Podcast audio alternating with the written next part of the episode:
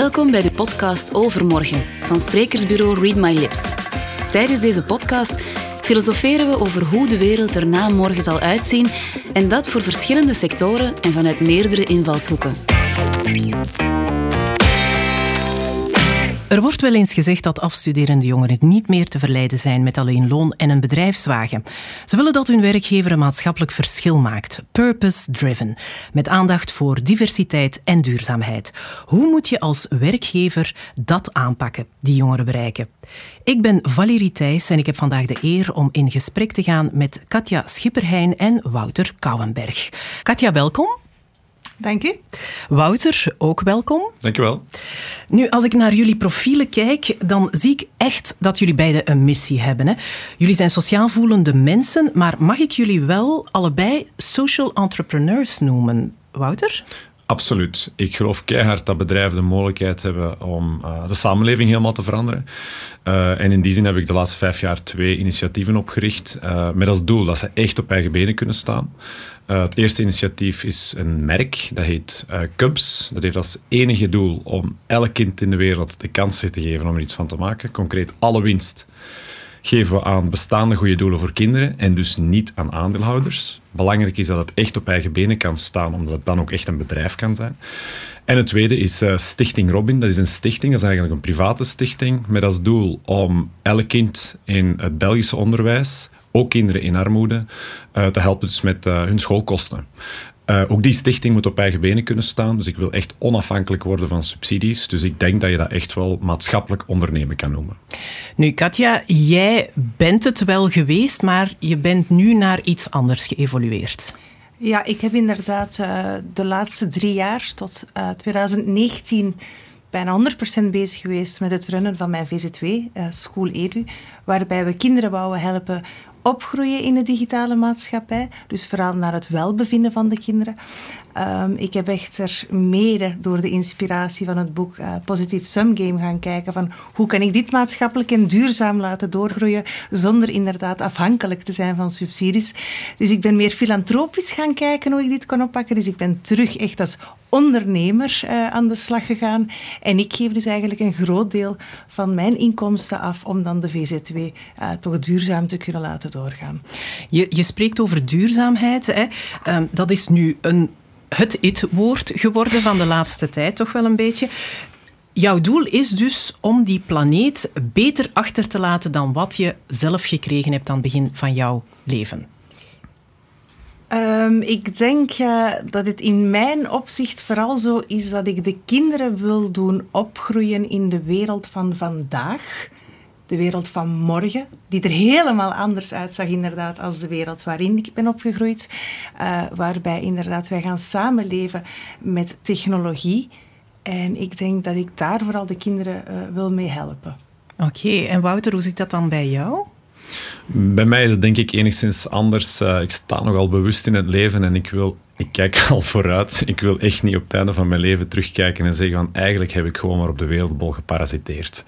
Ik wil echt het gevoel hebben dat ik iets beteken voor de mensen of iets betekend kan hebben voor de mensen om mij heen, dat het tenminste nuttig is dat ik hier ben. Ja, nu, jongeren vandaag staan voor een aantal, ja, niet alleen challenges, maar ook verleidingen. Hè. En we moeten daar de gulden goede middenweg uh, bij vinden. Sommige kinderen hebben heel veel voordelen, andere hebben er dan weer uh, wat minder. Maar als zij starten in het werkleven, dan hebben zij wel een aantal verwachtingen. En dat pakket verschilt toch wel heel erg van wat wij misschien twintig jaar geleden verwachten. Um, hoe, kunnen, hoe, hoe zou dat komen dat dat geëvolueerd is, Wouter?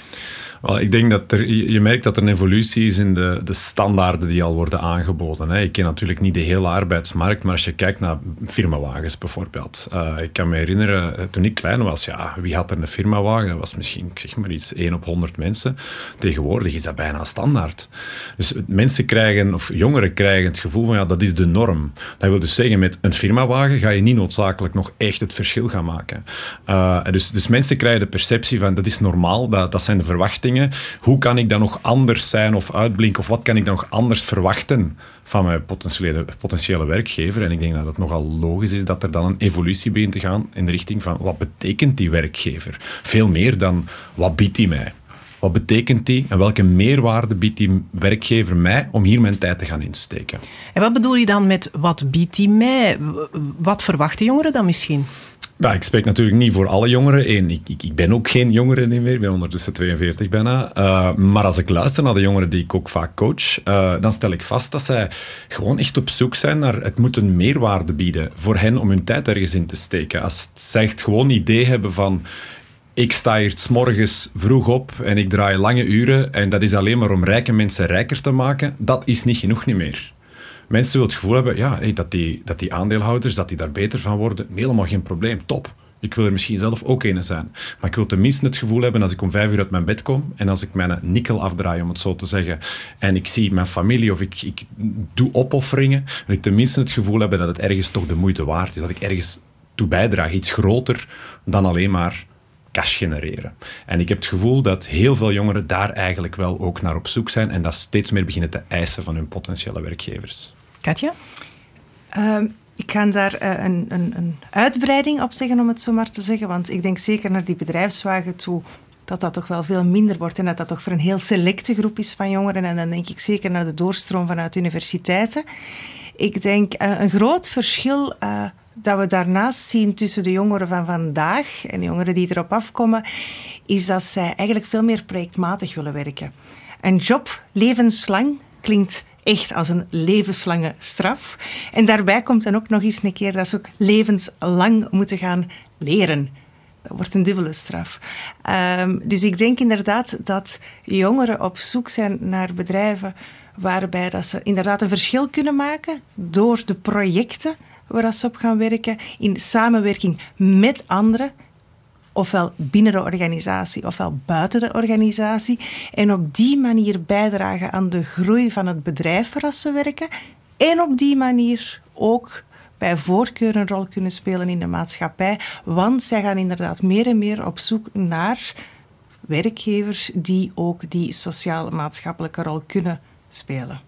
Nu, je zegt ze gaan op zoek naar werkgevers bij wie dat ze die sociale rol of die zelf ook die sociale rol kunnen uitspelen. Dat wil zeggen dat de werkgevers zich ook moeten aanpassen aan die nieuwe wereld. Ik denk dat je dat zeker zo mag zeggen. Ik denk dat we in Vlaanderen ook wel mogen zeggen dat de meeste bedrijven toch wel die stap willen uitgaan. Als je kijkt naar alles wat we doen rond engagement, dat dat toch echt wel een prioriteit is geworden van heel veel bedrijfsleiders. Uh, om die betrokkenheid te stimuleren, dan heeft dat mede met die jongeren te maken. Maar als we ook kijken naar andere projecten die er momenteel bij bedrijven worden georganiseerd, om inderdaad antwoord te bieden op maatschappelijke uitdagingen. En ook dat we zien hè, dat bedrijven die waardegedreven zijn gaan kijken van oké, welke waarden zitten er binnen onze uh, werknemers? Wat vinden ze belangrijk? En dat ze ik haal het voorbeeld van Torfs aan, dat ze zelf gaan laten kiezen door hun werknemers van oké, welke maatschappelijk relevante projecten gaan wij als organisatie steunen die bij ons als bedrijf, als cultuur passen. Ja, en misschien ook zelf hun eigen cultuur aanpassen. Ik denk bijvoorbeeld aan het bedrijf Marbles, um, dat onlangs in het nieuws geweest is en dat ervoor gekozen heeft om uh, de mensen die daar werken zoveel mogelijk vakantie te geven. Je mag zelf bepalen wanneer je vakantie neemt. Dat zijn toch ook wel vereisten die, die de jongeren aantrekken. Hoe, hoe gaan jullie daarmee om? Uh, ik vind dat uh, een, een heel mooi experiment. Sorry dat ik het even een experiment noem. Um, ik vind dat het zelfsturende, het motiverende, want engagement begint bij motivatie. Je moet gemotiveerd zijn om iets te doen, om betrokken te kunnen zijn. En ik denk dat dat ook heel veel te maken heeft dan met uh, selectie van je kandidaten. Ik ben heel eerlijk dat ik niet weet of dat iedereen in zo'n organisatie zou passen. Ik bijvoorbeeld, ik twijfel eraan omdat ik altijd werk en ik dan bang ben dat ik nooit verlofdagen zou opnemen. Dus ik denk dat de werkgever met mij persoonlijk heel blij zou zijn op zo'n moment.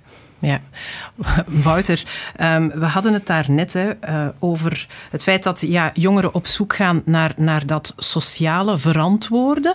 Um, hoe gaan werknemers volgens jou daar, daarop inspelen?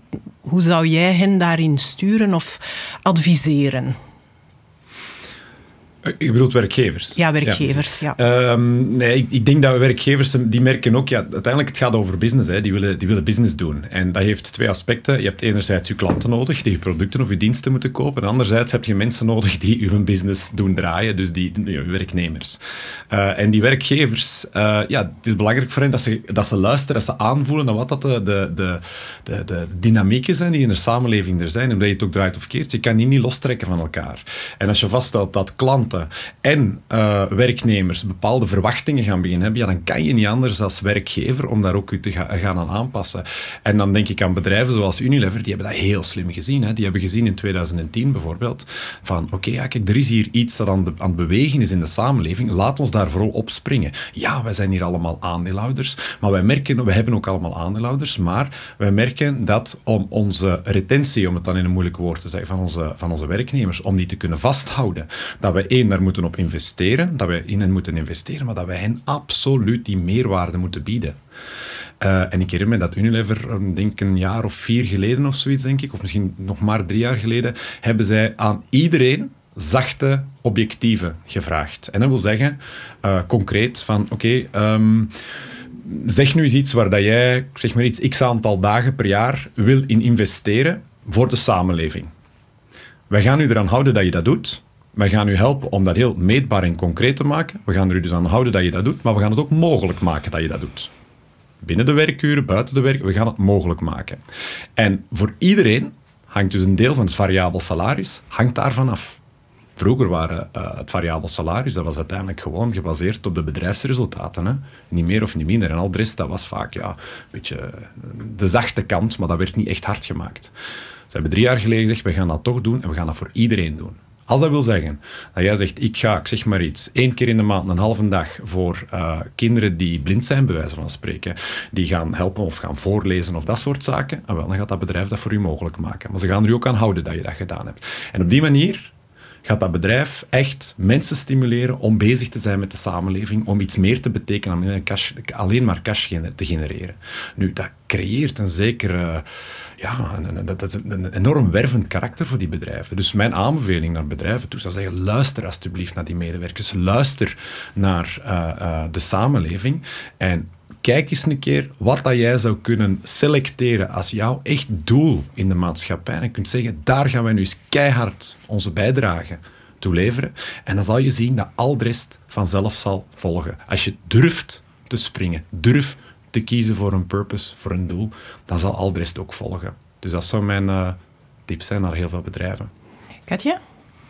Ik ga ehm, vooral bij mijn specialiteit blijven, dat is leren. Ehm, ik zou uh, bedrijven willen aanmoedigen om nog meer in te zetten op het lerende organisatie. En daar zie ik dan twee zaken in. Langs de ene keer, uh, de ene kant de growth mindset van de mensen zelf. Uh, stimuleren dat ze zelf sturend willen gaan leren, dat ze goesting krijgen om te gaan leren. En leren zien als een, een cadeau van elke dag in plaats van een levenslange straf. Dat wil zeggen weer terug rond die cultuur gaan bouwen. Ook dat projectmatig erbij. Als je van project naar project kan springen, dan heb je ook meer goesting om je elke keer in te leven in dat project en terug te gaan leren. Langs de andere kant denk ik dat er een heel grote opportuniteit zit voor bedrijven om meer te gaan doen met de data die ze hebben van hun mensen en daaruit te gaan leren. Uh, om te kijken hoe dat ze nog meer binnen dat ecosysteem die kennis kunnen laten doorstromen. Mensen op die projecten te gaan zitten waar ze echt die meerwaarde kunnen bieden die dat project nodig heeft. Uh, meer samenwerking. En dat dan nog eens in de context waar we vandaag zitten. Uh, in het na corona, tijdens coronatijdperk nog, waar we ook nog thuisonderwijs moeten combineren met thuiswerken. Dus je ziet dat dat een heel complex gegeven wordt, waarbij ik denk dat wij als bedrijf echt moeten leren uit de situatie waar we nu in zitten, zowel voor onze medewerkers als voor onze bedrijven zelf. Dus pleiten we dan voor een nieuw soort businessmodel naar de toekomst toe? Want ja, we zitten natuurlijk met, met bedrijven die heel vaak, hè, Unilever, die, zitten die bestaan al zoveel jaar, die zien dat aankomen. Hè, die zijn groot genoeg, die zijn krachtig genoeg om dat te zien aankomen. Die hebben ook heel veel werknemers. Um, die zien dat aankomen, maar niet elk bedrijf is natuurlijk in staat om daarop onmiddellijk in te spelen. Ik, er zijn hier heel veel kleine KMO's. Ehm, als die een, een, uh, ja, een, een, eigenaar hebben die al wat ouder is, en dan wil ik niet discrimineren, maar het is een, een jongere beweging. Hè. Um, hoe moeten die dat dan aanpakken? Hoe zouden jullie zeggen tegen bedrijven van ja, je moet met je tijd meegaan? Um, ik kan het niet laten voor even in te pikken. Uh, Wouter Torfs gaat volgens mij bijna inderdaad op pensioen. En ik denk dat hij echt een heel mooi voorbeeld is van ondernemend Vlaanderen. Die inzet zowel op het maatschappelijke als op het personeel. En ook als het leren van zijn personeel.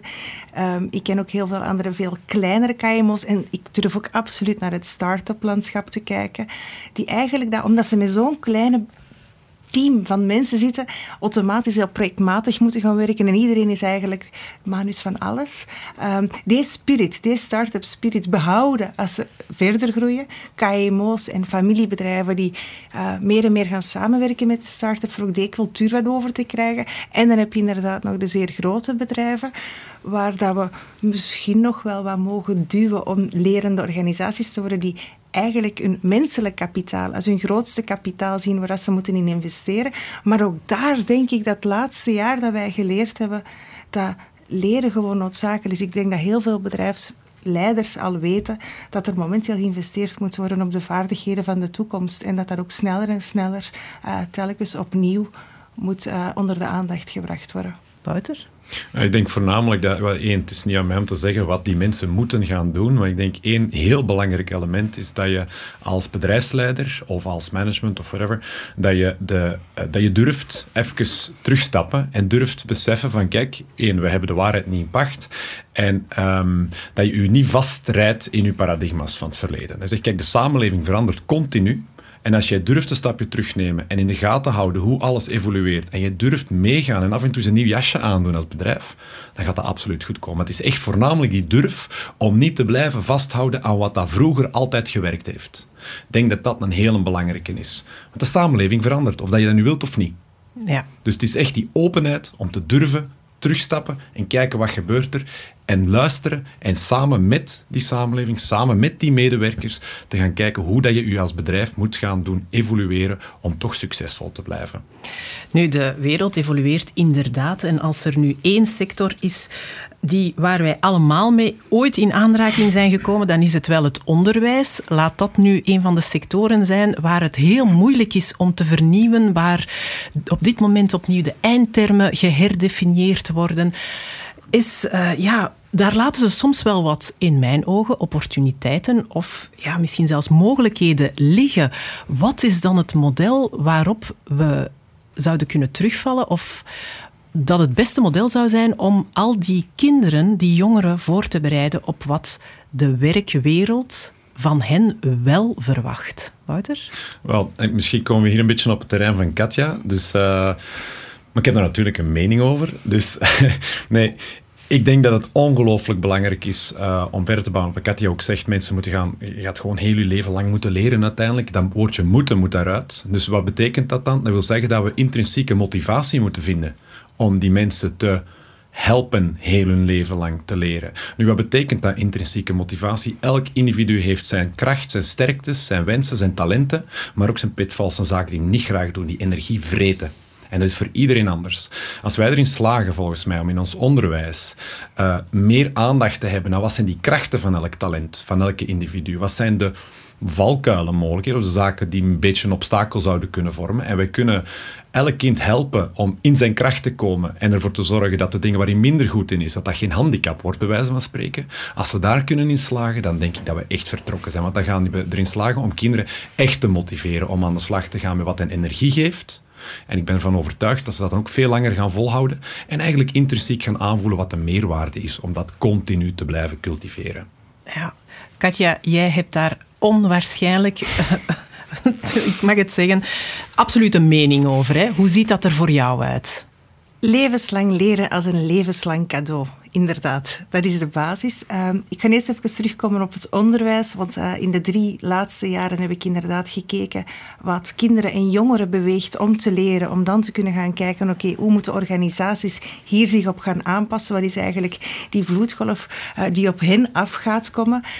En van daaruit wil ik toch even mijn allergrootste respect geven naar de heel vele leerkrachten die ik heb mogen ontmoeten, die zeker sinds maart vorig jaar hebben laten zien dat ze zeer winbaar zijn en alles ervoor doen om zoveel mogelijk leerlingen nog mee aan boord te krijgen. Ik wil dat toch even duidelijk gezegd hebben. En ja, wij horen van heel veel zaken die mislopen. Dat klopt. Ehm, en ik zie mezelf soms nog struggelen als ik een Zoom-call moet opzetten. Dus respect voor al die leerkrachten die dat nooit hebben gedaan. Wat ik denk dat binnen leren eigenlijk zou kunnen veranderen, is vooral die mindset van dat we gaan leren uh, zeer generalistisch.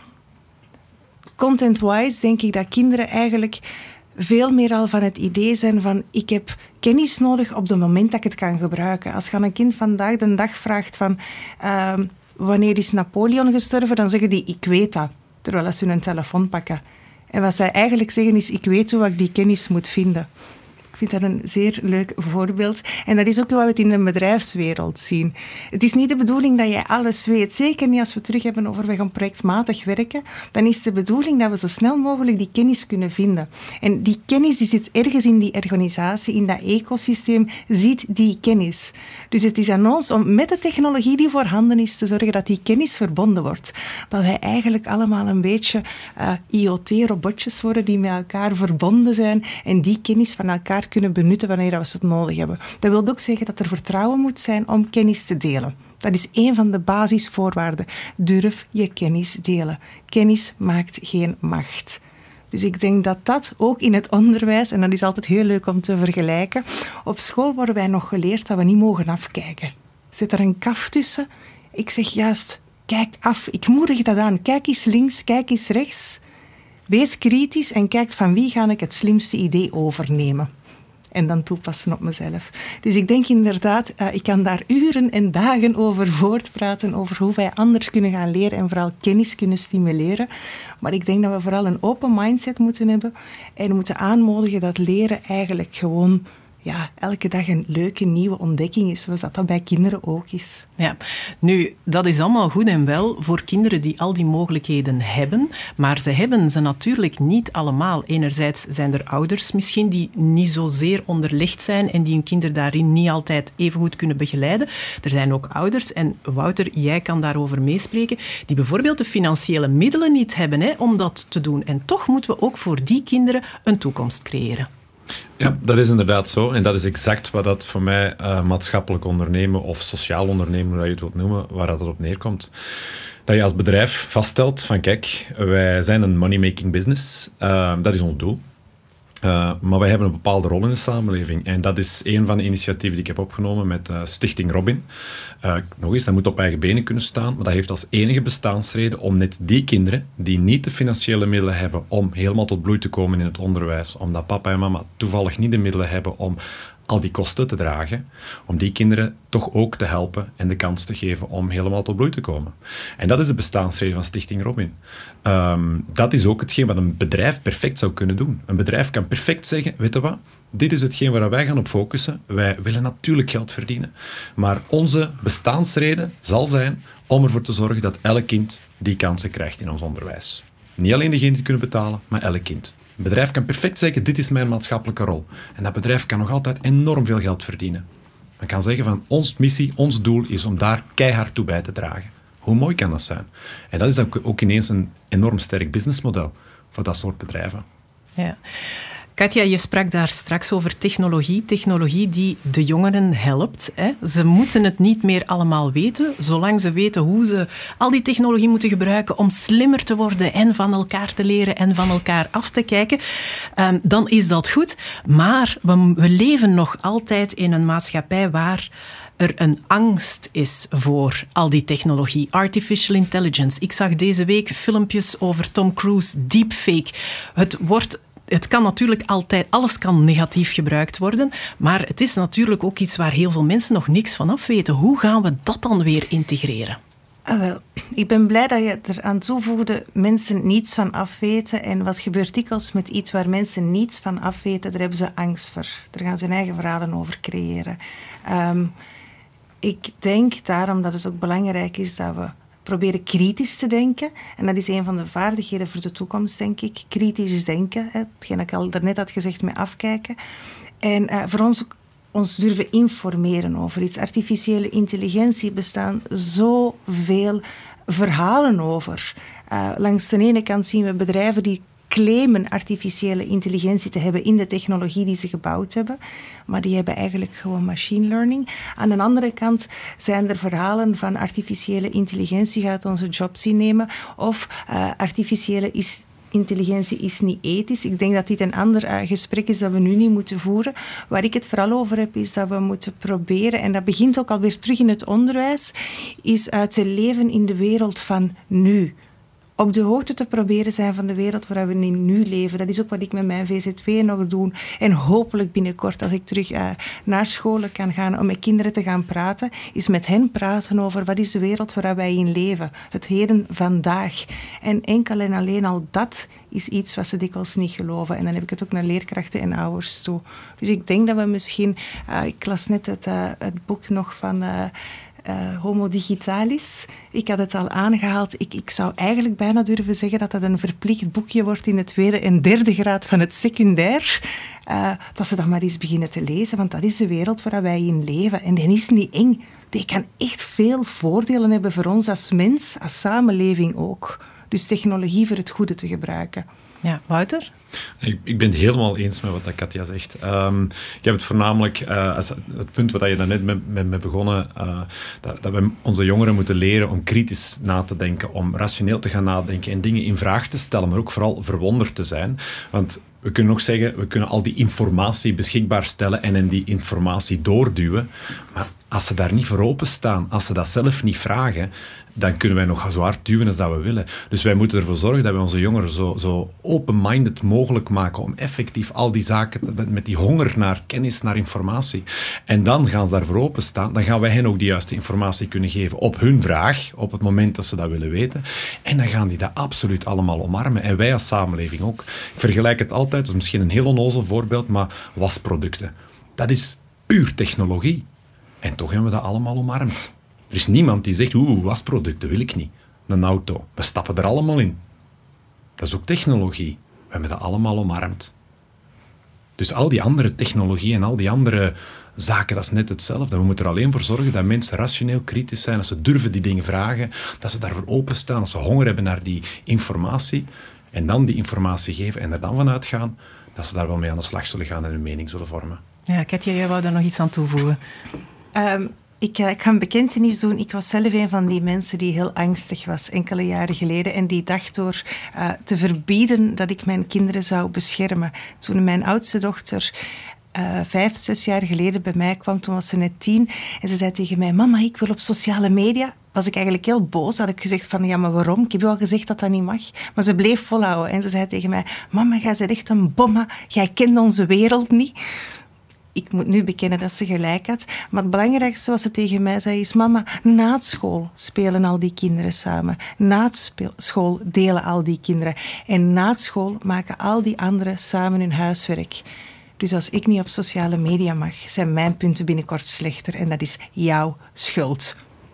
Dat is de wereld van onze kinderen. Die leren en die leven samen. En sociale media is ook een van die middelen waar langs dat zij kennis delen. Dus waar wij als ouders, als maatschappij soms zo'n schrik van hebben, is eigenlijk het kennisdeelplatform van de jeugd. Ja. Nu, de wereld is helemaal veranderd. Zeker sinds corona uh, hier is uh, en nog een tijdje zal blijven. Maar ik hoor toch wel dat jullie allebei heel erg optimistisch zijn. Hè? Heeft corona jullie in die zin iets geleerd, Wouter? Dat heeft eigenlijk mijn, uh, zonder pretentieus te willen klinken, uh, bewezen dat mijn optimisme juist geplaatst is. Als je kijkt wat dat wij als samenleving, wat dat wij met elkaar hebben kunnen doen, hoe weerbaar dat wij... Ja, het is miserie voor heel veel mensen. Het is echt miserie. Het is dikke... Sorry, ik ga het woord niet gebruiken, maar echt miserie. Maar we hebben het wel gedaan. We hebben een vaccin ontwikkeld, meerdere vaccins, op een tijd die niemand had mogelijk geacht. We hebben in België, onze samenleving, uh, regels opgelegd die we nooit hadden gepikt. Maar we hebben het toch gedaan. We zijn niet in opstand gekomen en we zijn er bijna door. I mean, als we dat allemaal kunnen, dan ben ik echt wel heel optimistisch over wat we nog allemaal zouden kunnen doen met elkaar. Dus ik geloof echt wel in de toekomst. Corona heeft bewezen dat we het kunnen. We moeten alleen een systeem vinden om het te doen, maar het gaat ons lukken, daar ben ik absoluut zeker van. Katja? Ik uh, kijk even terug echt naar mijn expertise. Um, en dat wil zeggen in het ge gebied van alles wat met leren heeft te maken en met innovatie, technologie dus. Uh, daarbij is onder andere becijferd dat wij in de eerste tien maanden na uh, het uitbreken van COVID-19 uh, over heel de wereld, wij in plaats van uh, wat we normaal doen op tien, maanden, tien jaar van innovatie, hebben wij op tien maanden gedaan. Er is een enorme sprong voorwaarts gemaakt in innovatie met betrekking tot educatietechnologie. Dus dat vind ik vooral heel, heel knap. Maar ook de mindset van de mensen, de weerbaarheid van de mensen om alles anders te gaan doen. En ik kijk dan toch weer even naar het onderwijs, naar die leerkrachten waar ik zo trots op ben, uh, die onze jongeren toch proberen elke dag terug mee te krijgen in hun eigen leerverhaal. Uh, dus daar ben ik absoluut positief voor. Ik ga wel eerst een kleine kanttekening erbij maken. Ik hou wel een beetje mijn hart vast voor wanneer we terug zouden willen gaan naar wat het was. Ik hoor spijtig genoeg heel veel geruchten dat we terug willen gaan naar het oude normaal. Uh, ik hoop dat ik positief kan zijn en dat we heel veel geleerd hebben uit deze situatie en niet meer achteruit willen kijken. Dankjewel, uh, Katja Schipperheijn en Wouter Kouwenberg. Zo, dat was het eh, voor vandaag, beste luisteraars. Ben je nieuwsgierig naar meer? Bekijk dan zeker eens de website van Read My Lips via readmylips.be. Daar vind je zowel informatie terug over mij, Valerie Thijs, jouw moderator van vandaag, als info over Katja Schipperheijn en Wouter Kouwenberg als spreker op misschien wel jouw volgend online, hybride of fysiek event. Bedankt en tot later. Beluister alle podcasts van Overmorgen op Soundcloud of Spotify. Met veel plezier aangeboden door sprekersbureau Read My Lips.